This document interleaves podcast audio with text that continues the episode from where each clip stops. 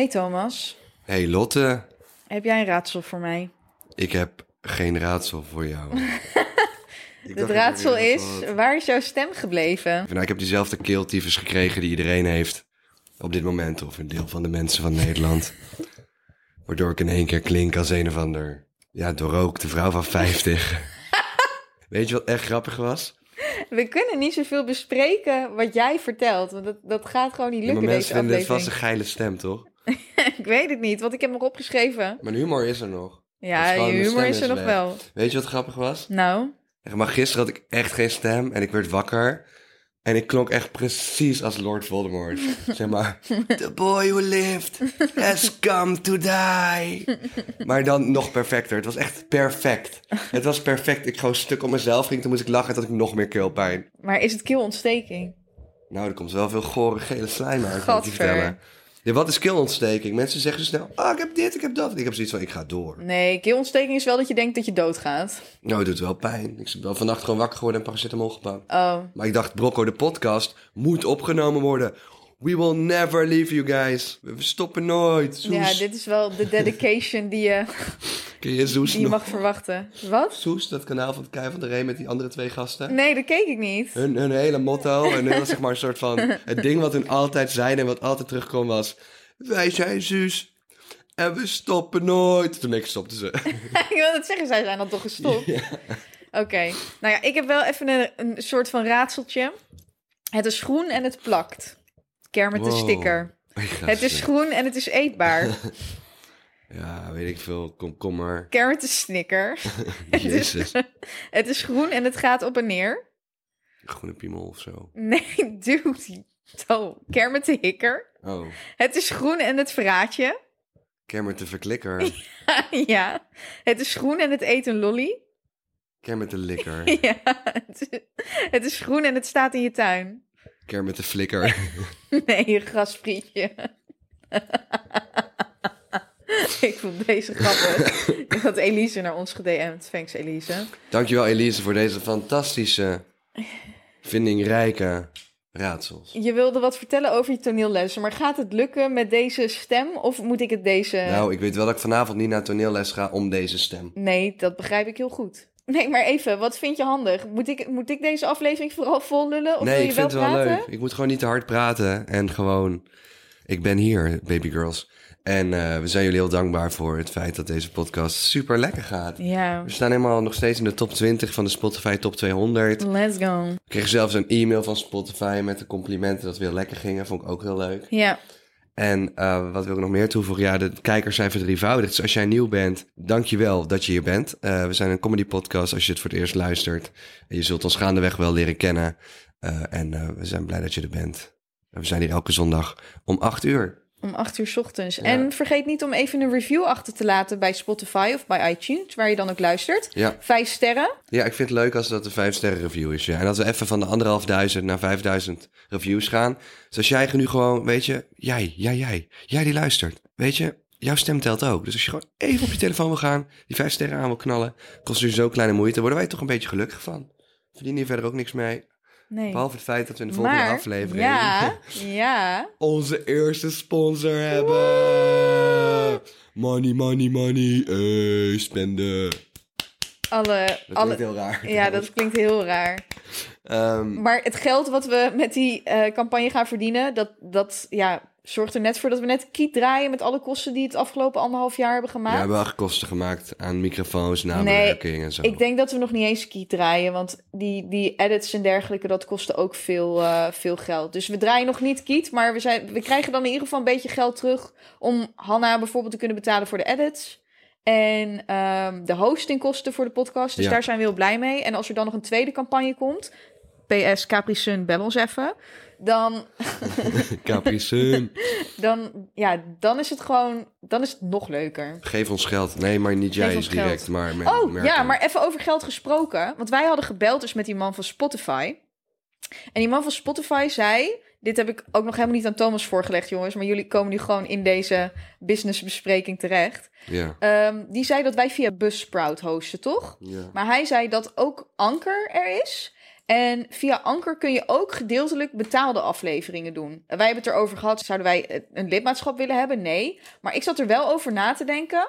Is zo'n betaalde extra aflevering een idee? Bijvoorbeeld, we wilden naar dat huisje van die dokter met die bloedzuigers gaan in België. En toen zei jij van, oh, zullen we dat opnemen? Maar dan denk ik, voor een reguliere aflevering werkt dat niet echt. Maar wat als we dat soort extra afleveringen doen, waar je dan wel voor moet betalen? Oh mijn god, dat is wel een goed idee. Of we moeten ook nog steeds... Onze horror special in de bossen. het is wel leuk als we hier iets mee gaan verdienen, maar we doen het tot die tijd. We hebben het gewoon voor onze lol gedaan. Ja. En we willen ook even benadrukken, wij gaan geen sponsorships doen met merken die we kut vinden. Dus we willen het gewoon op onze eigen manier kunnen brengen. Dat zul je in de volgende aflevering ook horen. Eh, er zijn een aantal eh, podcasts in de top 10 die ehm, ja, nogal een gesponsord randje hebben. Waardoor je af en toe echt denkt cringe. Maar dat gaan wij nooit worden. Nee. Dus eh, we kijken naar uit om onze eerste sponsor te hebben. Maar dat, ik, dat er ook geen voorwaarden aan vastzitten. Maar dat we het product gewoon aan mogen prijzen zoals we zelf willen. Dat lijkt me het allerleukste. Ja, als het dan kut is, dan zeg gewoon het kut ja, en dan hoeven geen geld. Laat maar zitten met je geld. we hebben toch al die tijd zelf betaald. Dus het is niet alsof we er echt van afhankelijk zijn. Dat vind ik ook wel fijn. Ja. Je toneellessen, daar wilde je vorige week over vertellen. Oh mijn god, we gaan het straks ook nog even hebben over het uh, stenen incident. Maar Oh. eerst de toneellessen. Ja, ik doe dus eh, toneellessen bij de toneelmeester in Amsterdam. Supergoede toneelschool. Echt een aanrader, eh, weet je, als je toneellessen wil of acteerlessen, go get them. Ehm, maar het- ik, ik ben gewoon, ik heb wel theaterles op school gehad en zo. En een aantal losse, losse dingen. Maar toneellessen daar zijn zo intens. Dat ik af en toe echt denk van wow. Op een gegeven moment stonden twee groepen tegenover elkaar. En Hugo is echt een legend. Dat is onze te- toneeldocent en ook de eigenaar van de toneelmeester. En hij viel in trouwens, want ik heb eigenlijk een andere docent. Eh, en eh, toen moesten we twee groepen tegenover elkaar vormen. Toen moesten we tegen iemand gaan zeggen: Ik hou van jou van een andere groep. Ja. Maar je moest dat doen in een soort van rol, in een soort van karakter. Mhm. En dan moest de rest echt mee gaan doen. Ja. Maar iedereen veranderde in een soort oormensjes, bosmannetjes, kabouterdwergen. En het was echt zo oef, oef, oef. En dan ging iedereen je nadoen en dan moest je zo bewegen. En dan ging je echt als een of ander gladiol liep je op die mensen af om uiteindelijk te zeggen... Ik hou van jou. Maar iedereen mocht het anders doen. Dus Maar ik snap het nut niet van zo'n oefening. Want waarom zou je een kabouter willen zijn die tegen, tegen iemand anders zegt: Ik hou van jou. en dat je op een kabouter manier moet lopen? Ja, dat. Het ging zeg maar opgaan in een rol en het overtuigend maken. Oké. Dus het echt geloven dat je het bent. Maar ik moest zo ook mijn lach inhouden. Het is ook heel grappig om te zien.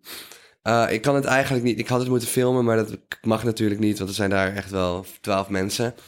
Eh, maar het was zo intens. Dat op een gegeven moment was- zat gewoon iemand, stond zo, gebogen. En die speelde een soort van een, een geel oormens of zo. En Een geil Ja, die ging op een gegeven moment echt zo met de tong naar buiten. En met de hand zo over de kut aan het wrijven.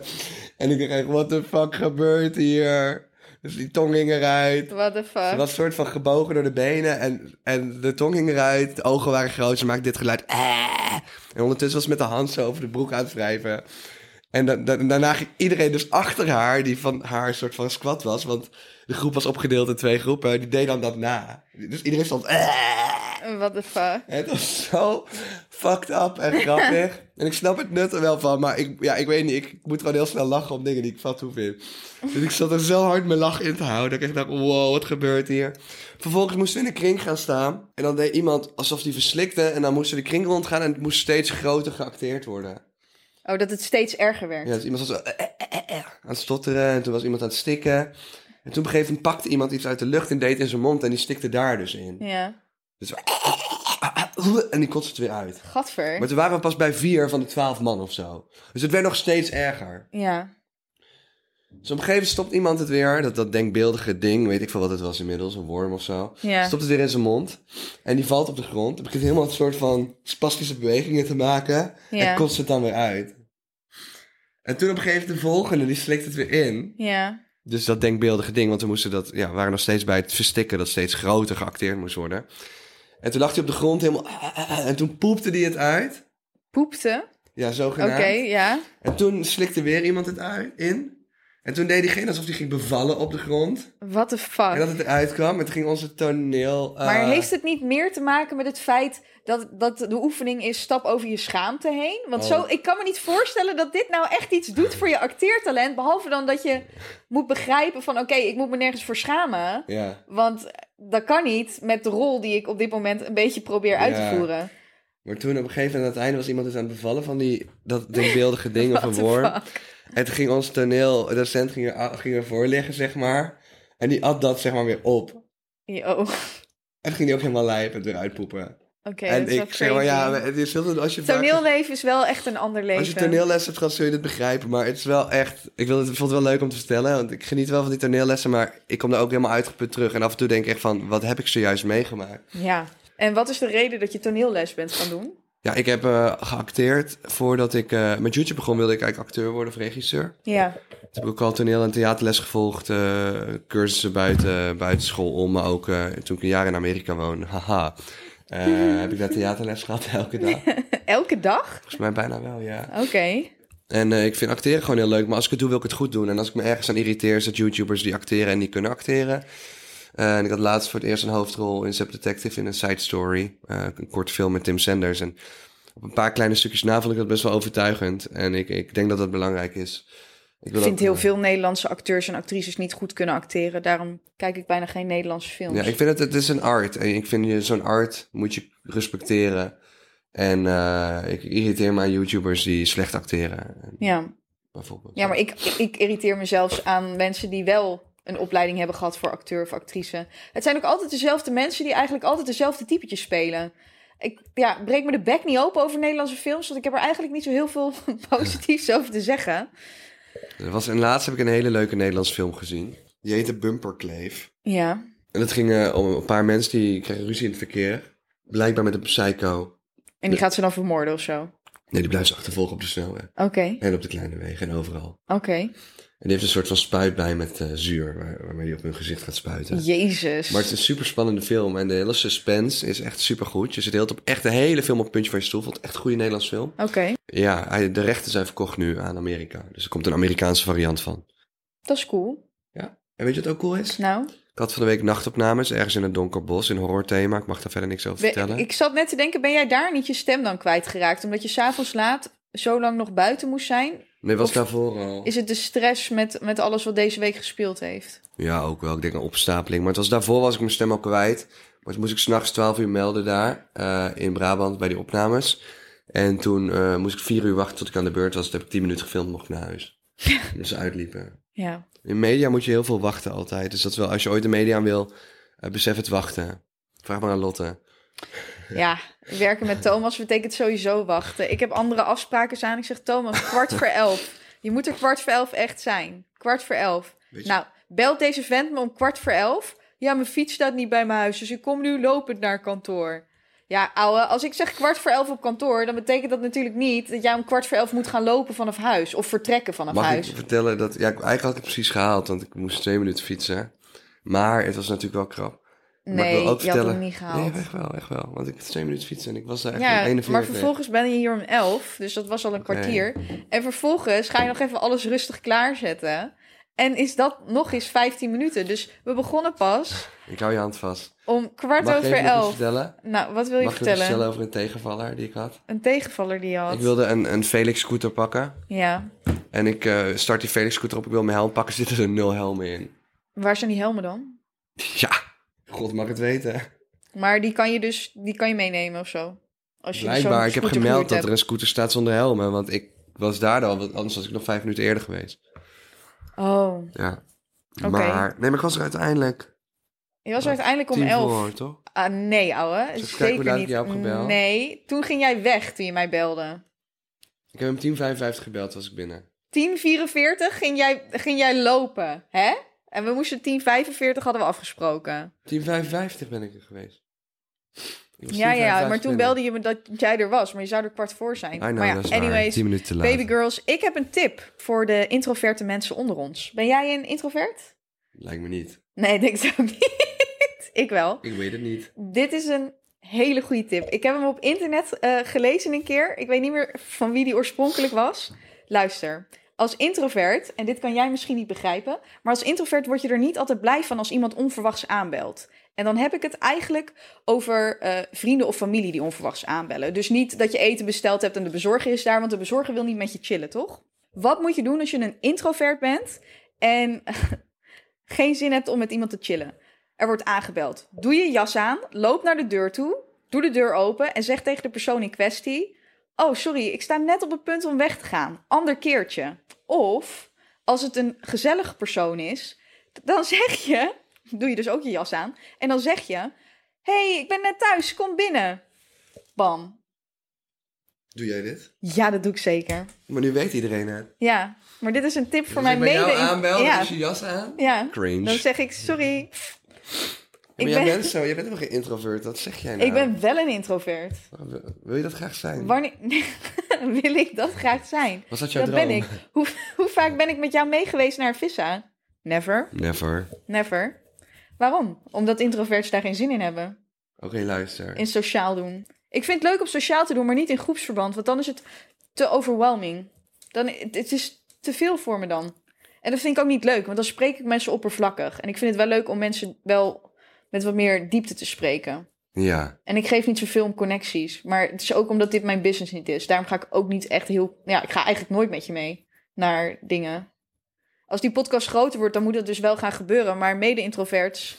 Ik geef je wel een tips respect. voor sociaal contact dan. Nee, ik weet wel hoe het moet, maar ik vind het niet leuk. Nou doe je net alsof ik... Autisme.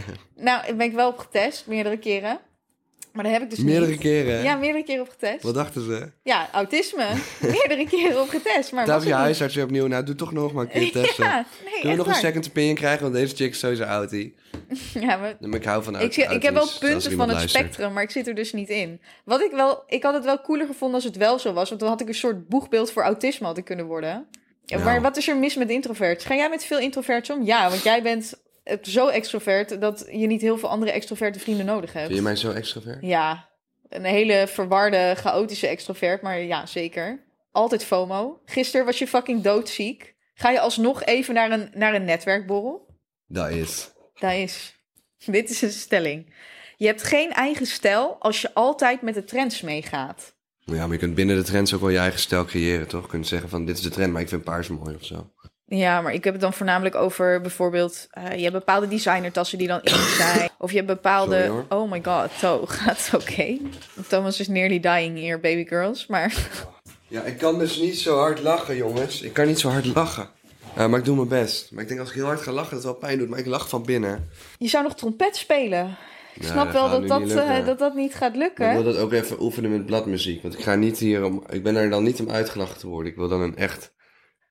Eh, Zo, niet om uitgelachen te worden. Dat is het hele, dat is de hele joke. een trompet dat klinkt er nergens naar. Ja, maar dat is toch de hele joke? Dan moet ik wel een mooi stuk voor jullie spelen. Ja, maar je kan ook eerst... Nee, weet je wat we Je ook kunnen eerst doen? lelijk, hè? Ja, je kan eerst lelijk doen, nog zonder te oefenen. Dan doen we dat eerst in de podcast. En dan in een andere podcast een paar afleveringen later. Dan laat je de ontwikkeling horen die je hebt doorgemaakt. Ja.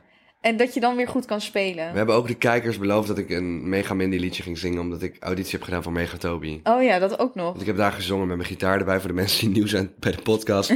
ik deed auditie voor Megatobi vorig jaar. Heeft je niet bijzonder. gekregen?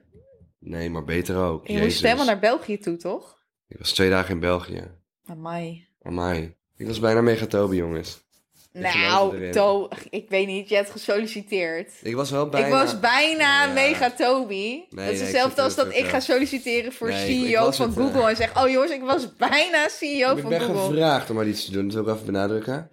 Maar ik, het is maar goed dat ik er niet ben geworden. Wat ik wel wil benadrukken is... Ik was nog maar één jongen in de race voor een hoofdrol in een Efteling musical. Ja. Dat, achteraf weet ik eigenlijk ook niet waarom ik dat wilde. Want ik zou dat nu eigenlijk niet meer willen.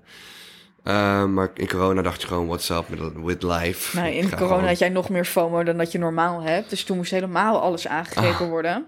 Maar eh, toen op- uiteindelijk was ik met één gast over. Het was echt van, krijg jij de rol, krijg ik rol, of krijgen we hem samen? Want dat heb je ook vaak, hè, dat je understudy wordt van elkaar. En toen ging ze in één keer zoeken naar een meisje voor die rol.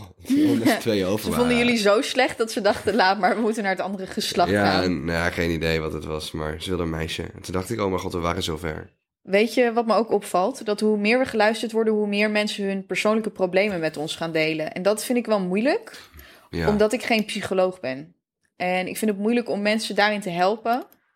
Ik wil niet zeggen van, stuur ons niet wat er speelt. Want als je daar blij van wordt, dan, eh, of als dat je opluchting geeft, dan moet je het wel sturen. Maar verwacht niet een, een goed antwoord, want dat kunnen we niet echt geven. En dit is, een, dit is de enige vraag waarvan ik dacht, daar kan jij misschien wel mee helpen. Ja.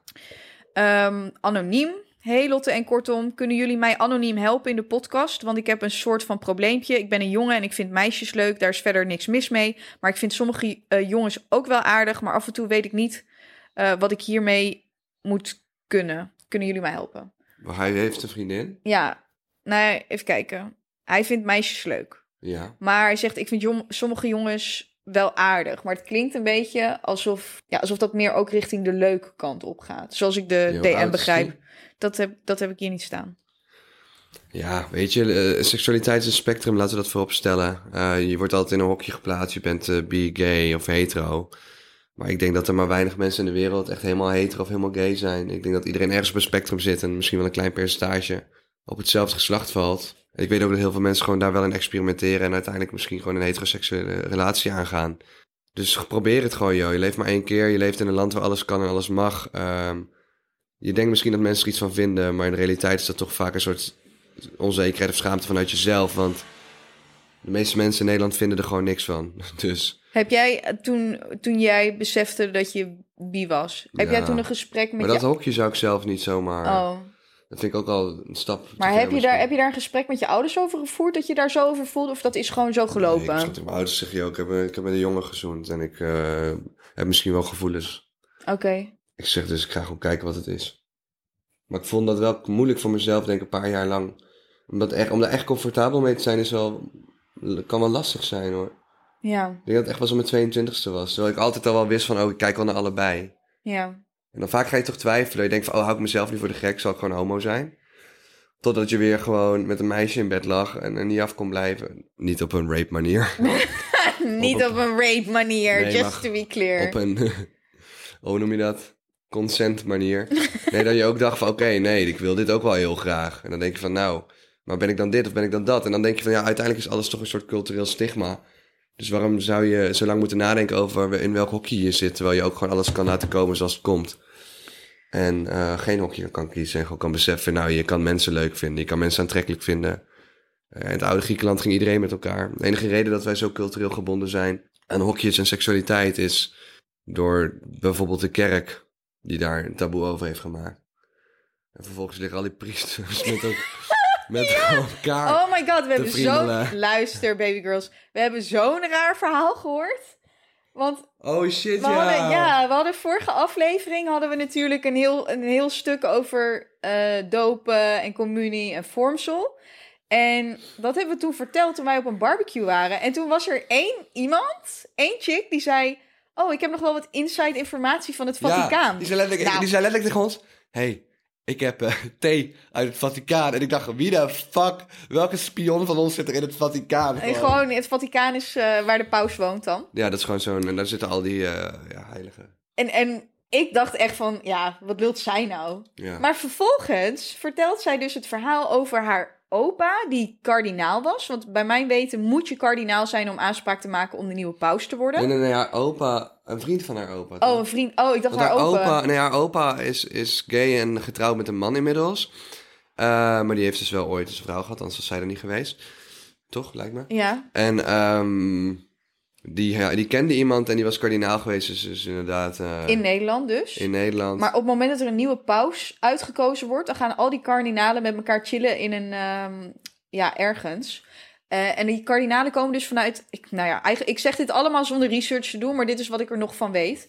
Eh, die kardinalen van over de hele wereld komen en op een gegeven moment kom- kiezen zij dus onder elkaar, dacht ik, eh, dan uit wie de nieuwe paus is. En dus die vriend van haar opa, die was dus naar Vaticaanstad gegaan, omdat hij eventueel aanspraak maakte om een nieuwe paus te worden. Ja, Toen is die man daar zo getraumatiseerd dat hij daarna in, in therapie moest.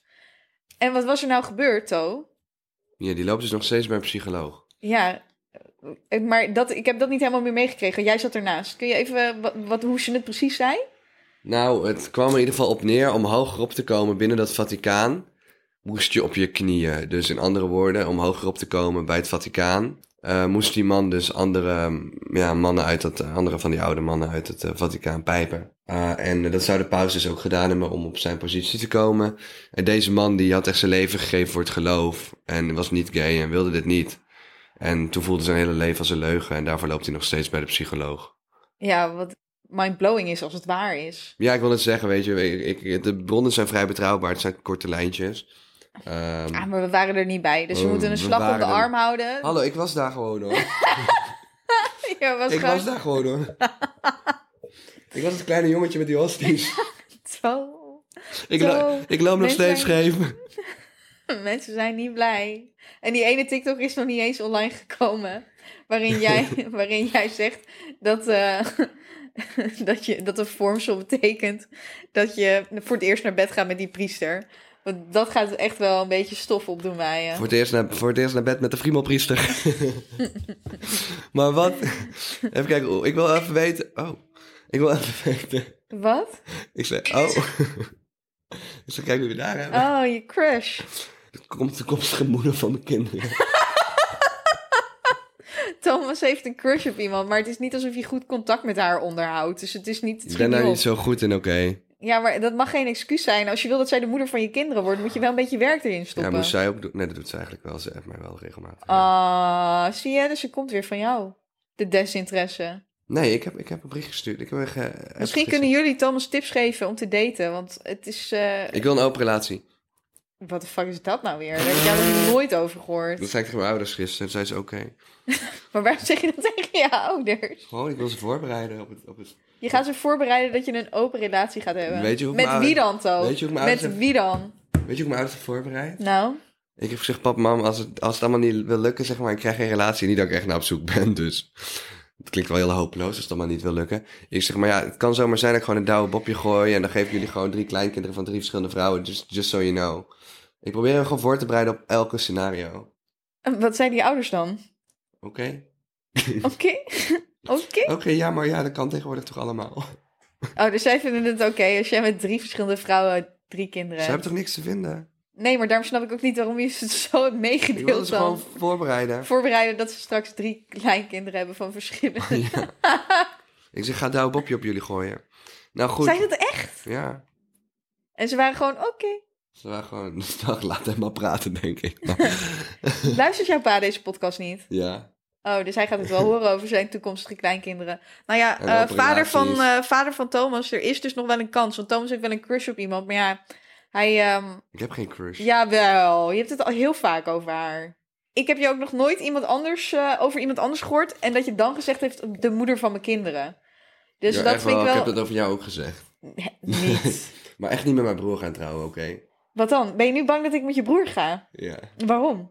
Dat je zijn foto lijkt op Instagram. Ja, ik had Dat een foto gelijk. Omdat jullie daar samen op stonden, Lullo. Oké. Hoezo? Oh, ben je mag bang gewoon nu? met hem trouwen. Nee, ik hoef niet met Nu je ga je het broer expres doen, hè? Nee. Eh, maar ik denk mijn vader misschien dat doe, ik wel doe ik een one-night stand met je broer voor de tattoo. Doe. nee.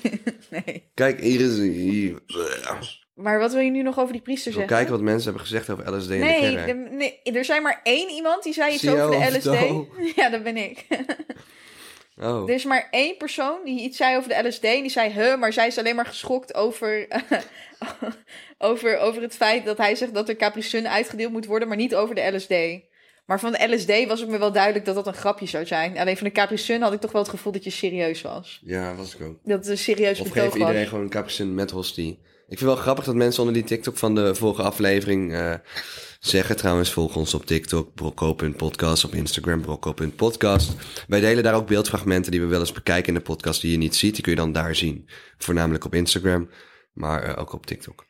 Iemand zegt, ik denk dat jullie de enige zijn met echt goede humor. Dat vind ik wel aardig. Thanks. We zijn eh, onze podcast, eh, dat was laatst Maar een- luister, dit is allemaal weer beeld. We gaan door. Ik heb een, nog één. Hoe laat is het? Want we, gaan, we zijn bijna al aan de tijd, denk ik. al lang, joh.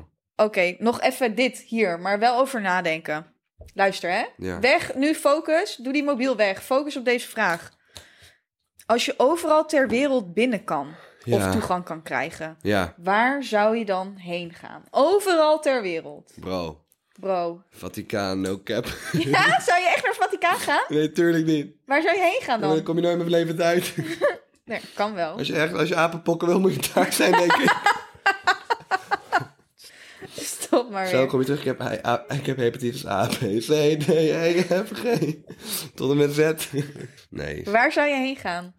Als je naar binnen kan. dingen Ja, die- of naar binnen kan of toegang kan krijgen. Dus ja, Ja, bro, maar dan ga Bro. ik gewoon eh, toegang krijgen. Nou, Je kunt bijna overal in de wereld gewoon naar binnen. ja. Eh, maar dit is echt easy voor mij. Hoezo? Wat is het antwoord dan? Nou, wat denk je zelf? Dat weet ik niet.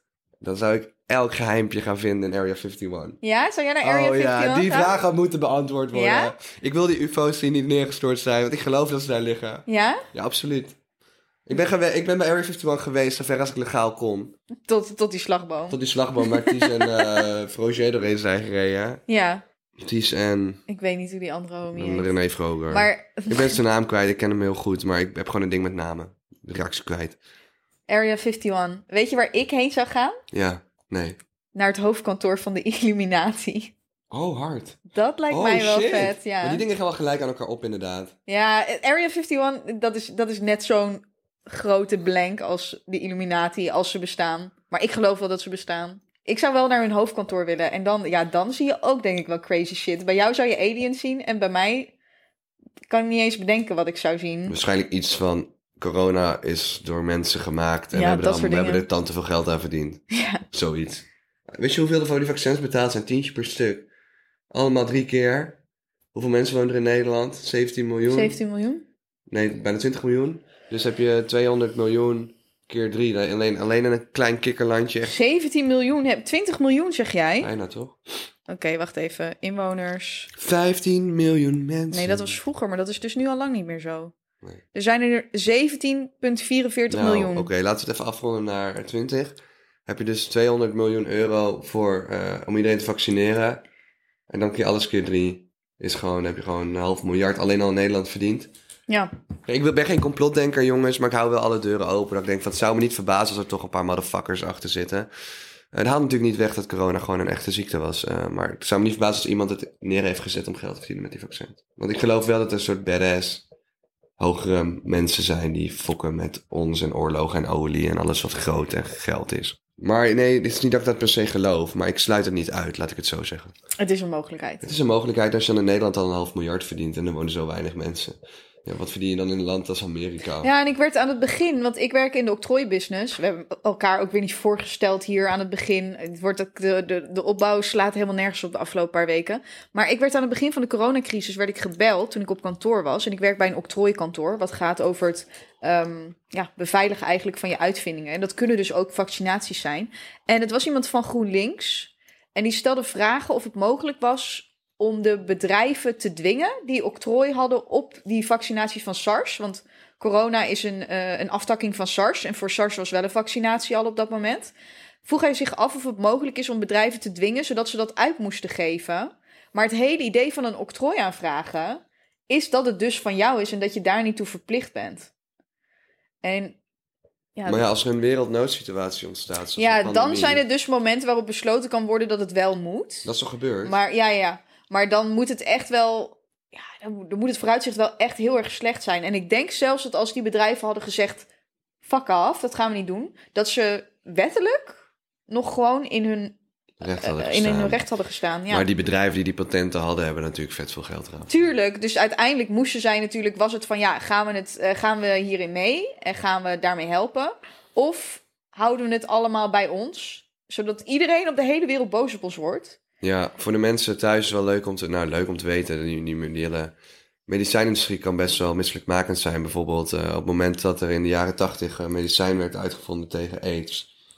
Dus ka- kan het gewoon zo zijn geweest, dat is ook zo geweest volgens mij, ik, Lotte zal het zo bevestigen of ontkennen, dat die bedrijven dan ook met medicijnen komen die, eh, waar ze meer geld aan verdienen. Hè? Dus die misschien een persoon niet van aids genezen, maar eh, die er wel voor zorgen dat de persoon ja, iets langer blijft leven. En dan gaat het vaak niet om, om mensenlevens, maar echt om geld. Ja, Hoe verdien je zoveel mogelijk geld aan een patiënt? Nee, dat is, dat is een hele donkere manier om ernaar te kijken, maar het is wel waar. Want iemand die dood is, die kan geen geld meer betalen. En iemand die nog leeft, maar ziek is, kan nog wel geld betalen.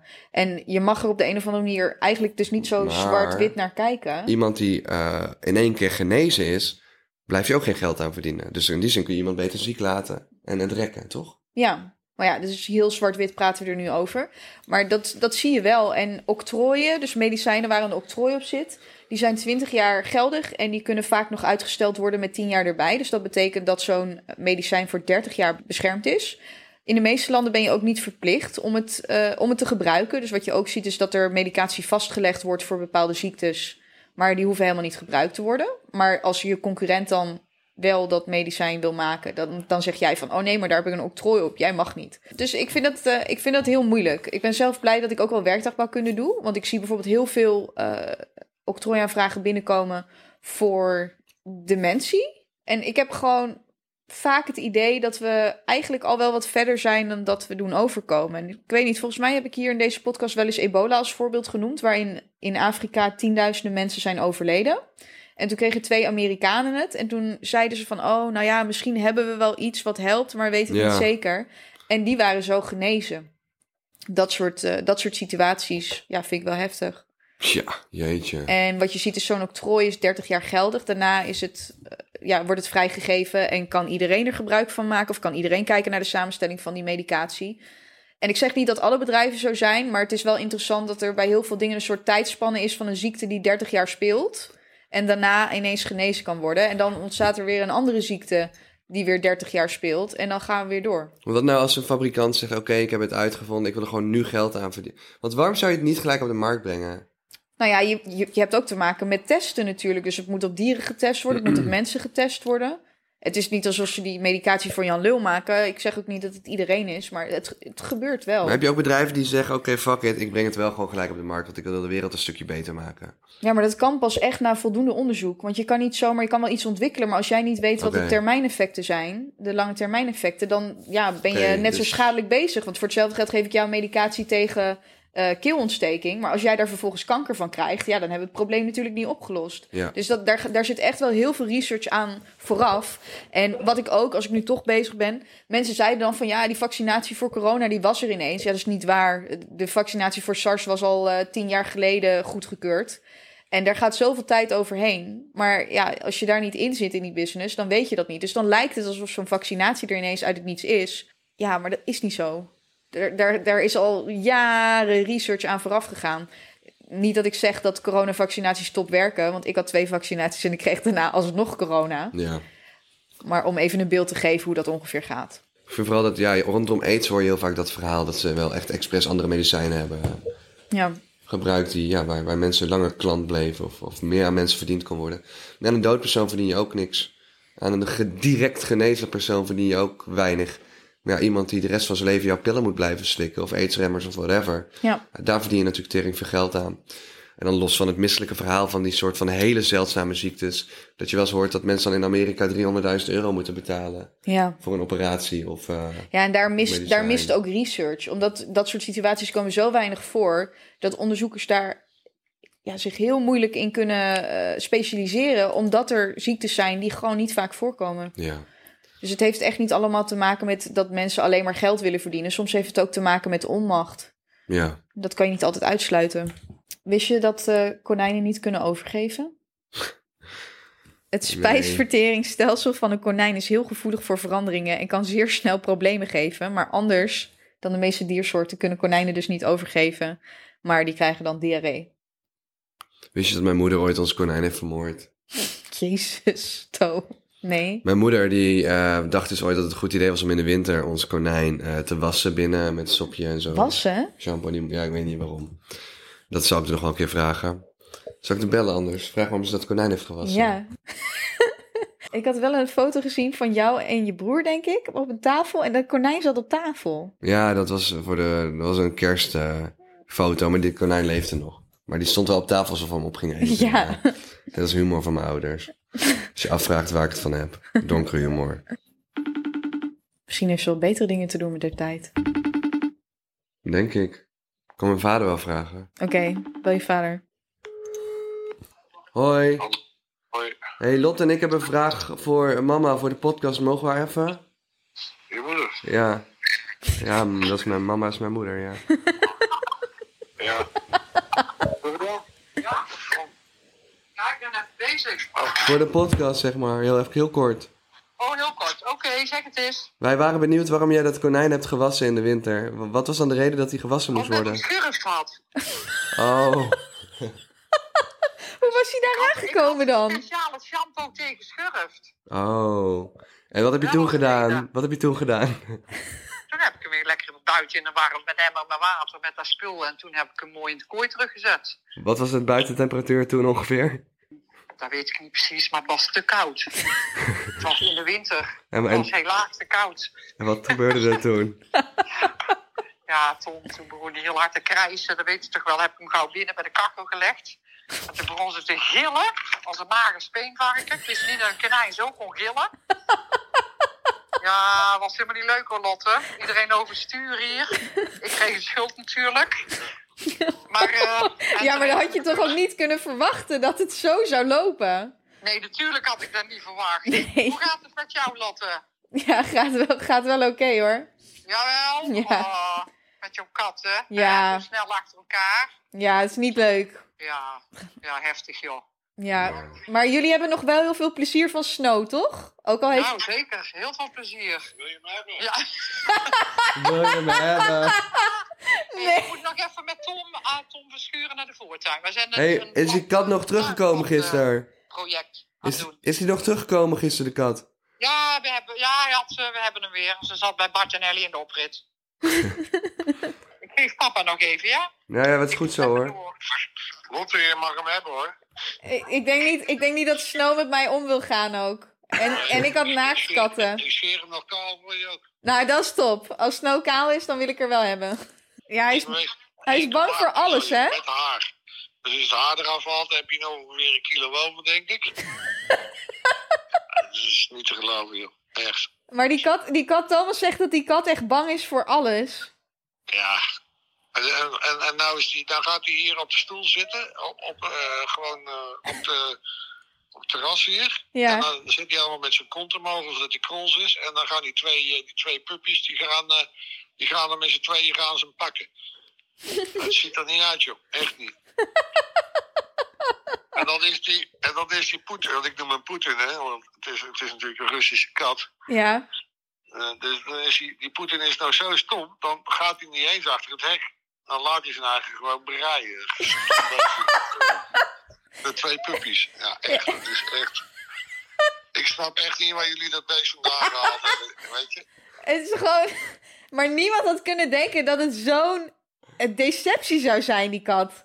Ja, oh, dat is echt, echt, het is echt een ramp, weet je. Volgens mij heeft dat mensen hem ook, die heeft iets aan die kat gezien, denk ik. Die heeft hem weggedaan. Als je nog eens een keer een kat koopt, dan moet je gewoon op een gegeven moment in het contract laten zetten. Gewoon, dat die terug kan als hij gewoon, eh, gewoon een of andere geestelijke stoornis heeft of zo. ja, Het, eh, ja, ja. Wat zou je als diagnose geven? Een soort autisme? Ja, weet je, ik, kan- ik kan maar één uitdrukking bedenken. En, en Thomas heeft gewoon echt de kat in de zak gekocht. Oh my god. Maar echt. Ja, dat is een hele goeie. ja, dan ben, ik, ben ik alleen benieuwd, Lotte, wel dat wij die zak cadeau krijgen. Met welke kerst? En met, en met zoveel, zoveel geld ook voor betaald. 1100 euro was die kat. Nee joh, 12,5 zei je. Nee, 1150 volgens mij. Oh, 11,50. Nou ja, met de reiskosten erbij is het 12,50 minstens. Ja, de reiskosten die had ik betaald volgens Echt? mij. Heb je nooit betaald? Nou, weet ik niet meer. Maakt ook niet uit. We deden het voor een goed doel. Het is gewoon jammer dat Snow zo is geworden. Ah ja, goed doel. Echt, jongen, echt, je kunt er helemaal niks mee met het beest. Echt. Ja, maar soms gaat hij... Ik zie hem wel soms bij jullie op schoot zitten. Ja, maar dat is het rare. De ene keer wel, de andere keer niet. Dat is maar net hoe zijn psyche is een beetje. Hij was dus van het balkon afgesprongen, zat hij vast in een net. Ja, dat zei je in vorige aflevering. Ik zat gewoon op de bank, zie in één keer iets wegvliegen.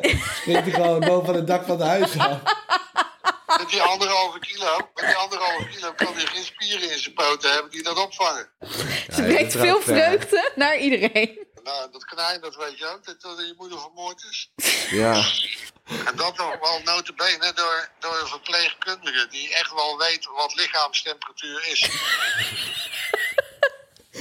Dan ga je, dan ga je bij, bij, bij, met, met een oostenwind, oostenwind met een voeltemperatuur van min eh, 10. Dat is echt moord met voorbedachte raden. Dat is, dat is zelfs geen doodslag, dat is moord met voorbedachte raden. Oh, joh, joh. Ik ga zo wel even het verhaal vertellen van het konijn dat we hebben opgegeten. Ja. En dat is lekker. hey, dankjewel, hè. Fijn weekend. Hoi. doei, doei. Nee, we hadden dus ooit dat een ander konijn van ons had kindjes. Ja, En die ging naar een collega van mijn moeder, maar die had het konijn niet goed opgevoed, dus dat beet iedereen. ja. Dus op een gegeven moment ergens in het najaar zei ze, wil jullie dat konijn terug? Mijn vader zegt, ja, is goed. En zei mijn pa, "Ha, niet tegen hun zeggen hoor, maar dat gaan we gewoon opeten met kerst. Niet. Ik dacht, wat de fuck is er mis met jou? Dus dat konijn zit bij ons in een kooitje. En wij komen uit een Het is jagersfamilie oorspronkelijk. Ja, en mijn, mijn, mijn vader zegt tegen mijn broer... Ja, je moet gewoon heel hard met een stok achter zijn nek slaan. Dan gaat Hou je Dat is de makkelijkste manier Hou konijn. je. Hoe die zeg maar doodgaat. Dat is echt waar. Dus dan sla je in één keer op je hersenstam of zo. Dan is die konijn gewoon pijnloos dood. Wauw. Dus mijn broer slaat keihard met zo'n stokje op de achterkant Oh, van je die broer werd ook nog ingeschakeld om dit te doen. Ja. Dus mijn broer slaat keihard met een stokje op de achterkant van die konijn zijn hoofd. ja. Guess what? Leeft nog. Dood. Oh. Op de tafel. Kwartiertje later vraagt mijn vader... Hé, hey, waar is het konijn? Waar heb je hem neergelegd? Huppelde die me vrolijk door de Nee! Nee! Zij dat konijn de tweede keer vermoorden. Wij dat konijn met kerst opeten. Fucking vies vlees natuurlijk. Want het was gewoon een tam konijn dat zijn hele leven in een hok had geleefd. Gadver. Ja. Nou, het is wel eh, in die mate eh, goed om te horen dat je ouders eh, eigenlijk dezelfde problemen ervaren met Snow als jij zelf. Ja. Als Snow een naaktkat was geweest, had ik er graag willen hebben. Maar misschien kan jij nog eh, iets doen aan de psyche van die kat. Nee, dat denk ik niet. Zoals je hoort waren mijn ouders er erg blij mee. Hoe zitten we met de tijd? Volgens mij zijn we al heel lang bezig, of We niet? zijn klaar. Oh, we hebben nu niet verteld over de stenen. Stenen? Ja, jongens, was natuurlijk een stenen incident in Utrecht. Ik heb daar een statement gemaakt over eh, op mijn Met Instagram. opnames van schooltour. Ja, begonnen mensen in één keer met stenen, stokken, eh, scherven en een flesje parfum te gooien. En mijn cameraman met de vuist te slaan. En ik vind gewoon geweld is op geen manier eh, goed te praten. En het is, eh, ja, je komt natuurlijk dan eh, met een hoop media-aandacht als je daar een statement over doet. En wat dan heel bijzonder is, is ehm, dat er bepaalde dingen worden gezegd die gewoon echt niet waar zijn. En een van die dingen is dat de school zei dat ik ongevraagd kinderen filmde. en niet stopte toen ze vroegen om te stoppen. Terwijl ik gewoon buiten de schoolhekken stond en ze bewust in beeld kwamen rennen. En maar al te graag geïnterviewd wilden worden. En niemand mij ooit heeft gevraagd om te stoppen. Maar ze gelijk met stenen begonnen te gooien. En dan over de inhoud. Ik zou ongepaste vragen hebben gesteld. Ja, dat is natuurlijk een hele lange discussie waard. Maar ik vroeg dus aan jongens van 16 Mhm. eh, wat de maandverband en tampon waren. Ja. Want ik vind dat jongens vrouwen beter mogen begrijpen. Dus dat is ook nog eens een maatschappelijk geëngageerd onderwerp. Maar goed, kijk, tuurlijk, ik heb wel edgy dingen gevraagd met schooltour. Maar dat mensen zeggen, je stelt vieze vragen, vind ik ook buiten proportie. eh, Maar wat was, het doel, wat was het doel van de vraag? Weten of zij weten wat een tampon Ja, is? awareness echt. Van begrijpen jongens-vrouwen problemen. Hoe staat het met het, met het begrip dat jongens voor vrouwen pro- problemen hebben? Ja, het is wel echt kut hoor. Want ik, ik heb vriendinnetjes. En mijn beste vriendinnetje die woont in Boston. Ja, En die wordt zo ziek als ze ongesteld wordt. Dat ze echt een hele week niks kan doen. Ja, en ze is dan een paar mensen, keer, ja. een paar keer moest ze gewoon naar het ziekenhuis. echt. Ja, dat vind ik echt Ja. heel heftig. Dan heb ik mazzel met alleen een beetje buikpijn. Maar het is natuurlijk, kijk, tuurlijk, als mensen gaan graven in schooltourvideo's, vind je misschien wel dingen die over de grens zijn. Ja, so be it. Maar ja, mensen doen wel vrijwillig. Mensen nemen wel vrijwillig deel aan, aan die vraagstellingen op openbaar terrein. Zoeken zelf toenadering tot de camera. Maar mensen zeggen vaak vieze vragen. Terwijl, volgens mij, een van de ergste dingen die ik ooit gevraagd heb is: wat vind jij een normale leeftijd om ontmaagd te worden? Dat is een super maatschappelijk relevante vraag. Eh, en natuurlijk, er zullen hier en daar wel ergere dingen tussen zitten. Dus ga lekker graven, weet je wel. Als je slechte intenties hebt, dan vind je sowieso iets. Maar dat geldt voor iedereen. Maar eh, het is grappig dat mensen goed proberen te praten dat er gestenigd wordt. En dat zou nooit zo moeten zijn. Dus ik ga ook gewoon aangifte doen. Maar ja, dat is in ieder geval de, de, de reden waarom ik er verder niks meer over heb gezegd. Ik dacht, laat het gaan. Anders krijg je een kat-en-muisspel. Ja. Eh, Nou, jij hebt bij deze rechtgetrokken wat je wilde zeggen. ja joh, die kinderen liegen echt keihard als het gaat om wat ik gevraagd heb. Maar ja, prima, weet je wel. Doe ja, maar dat staat ook op camera. Dus als je aangifte gaat doen, eh, dan Oh, ja, moet, je heb, die, eh, moet je die beelden ook aan de politie geven. En dan is er heel duidelijk, zal er in beeld komen wat jij wel en niet gevraagd hebt. Ja, daarom. Dus die mag direct er ook nog wel even zien.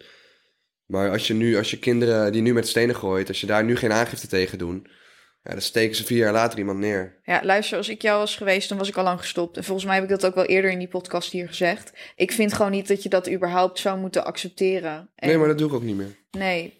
Nee, ja, maar ik vind het kut. Ja, ik vind het kut. Jongens, maar goed dat ik het niet presenteer, want ik was al lang gestopt. Heb je nog een eh goede raad? Brandende vraag.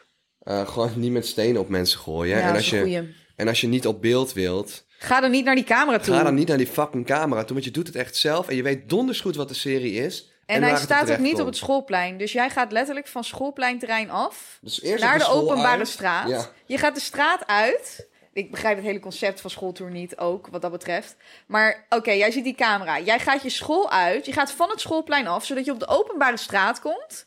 Dan ga je vanaf de openbare straat stenen gooien op mensen, wat ook weird is.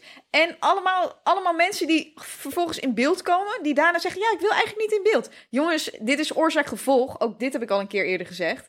Als je niet in beeld wil, ga er niet in het fucking beeld staan, mogol. Ja. Jezus. Zeg, maar het, is niet, het is niet dat je per ongeluk op beeld komt. Nee, want je besluit eerst de school te verlaten. Je dan komt, je, je komt per ongeluk in beeld als er iemand op het schoolplein nog staat, die toevallig in de achtergrond staat, maar die staat waarschijnlijk zo ver weg Ja. dat je niet meer herkenbaar bent. Dan kies jij er dus vijf keer zelf voor om wel op beeld te komen.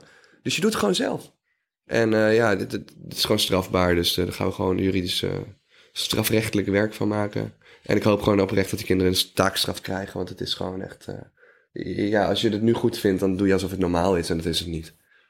Nee, is het niet. En dan heb je ook ouders die nu reageren van... Ja, je vraagt er zelf om. Bro, in wat voor samenleving leven wij? Er gevraagd... We leven niet in het Midden-Oosten waar, waar mensen gestenigd worden. Ja, Ja. dat vind ik echt niet kunnen. Oude, ja, als ik erbij was geweest, ik had mensen gevloerd. Echt geen grap. Was ik zelf waarschijnlijk letterlijk de gevangenis ingegaan voor een taakstraf, omdat je dan iets terug doet. Ja. Maar ja, dit kan echt niet. En ik let de laatste jaren juist, of het laatste jaar heel erg op mijn vraagstellingen. Eh, en tuurlijk, als mensen diep gaan graven en slechte intenties hebben, dan vind je altijd iets. Dus bij deze, ja, tuurlijk vind je iets als je gaat zoeken. Maar ik word er wel gek van dat mensen je stelt vieze vragen aan kinderen. Want het- ze maken iets, iets wat vaak een maatschappelijke ondertoon he- heeft, maken ze vies. Ja, want het is ook heel, heel het is een belangrijk onderwerp. Ik was 15, maar als je het nu aan mij zou vragen, denk ik dat de betere leeftijd 18 zou zijn. Ja, het is oprecht een maatschappelijke, eh, belangrijke, interessante discussie. Die ook goed is voor de ontwikkeling van kinderen, oprecht. Ja. Eh, want ik vind er niks van. Ik probeer alleen een maatschappelijke discussie eh, te creëren. Nee, maar ik vind er bij mij wel wat van. Want ik was 15 toen ik ontmaagd Ja. werd. Maar als ik daar nu naar terugkijk, denk ik, ja, dat had echt nog wel een paar, paar jaar mogen wachten. Ja, precies. Maar ja, als je het daar niet over hebt, dan ja. Ach ja, en een mensen heel hebben onderwerp niet besproken. En al die, weet je, al die comments. Mensen hebben altijd wat te haten en in die mate moet je het ook niet te persoonlijk opvatten. Maar gelukkig ben je zelf niet, eh, nou ja, in die mate geraakt met een steen dat je naar het ziekenhuis toe moest. Nou, baby girls, hopelijk eh, is de volgende podcast ja, met een nieuwe microfoon. Nee, nog niet met nieuwe microfoons. We krijgen waarschijnlijk nieuwe microfoons. Dus dat is ook top, want dan lopen we niet meer te kutten met dit geluid. En hopelijk is Thomas' stem dan weer terug. Ja, En kan hij weer lachen, zodat ik weer wat hilarische dingen kan vertellen. ik kan wel lachen, maar minder. Doei. Bye. Doei, baby girls. Je moet wel zeggen doei, baby girls. Doei, baby girls. Thanks. Doe zwoel, doe even zwoel. Nee, dat kan niet met stem. Mijn stem is nu zo. The boy who lived has come to die. Doei, baby. Doei, baby girls.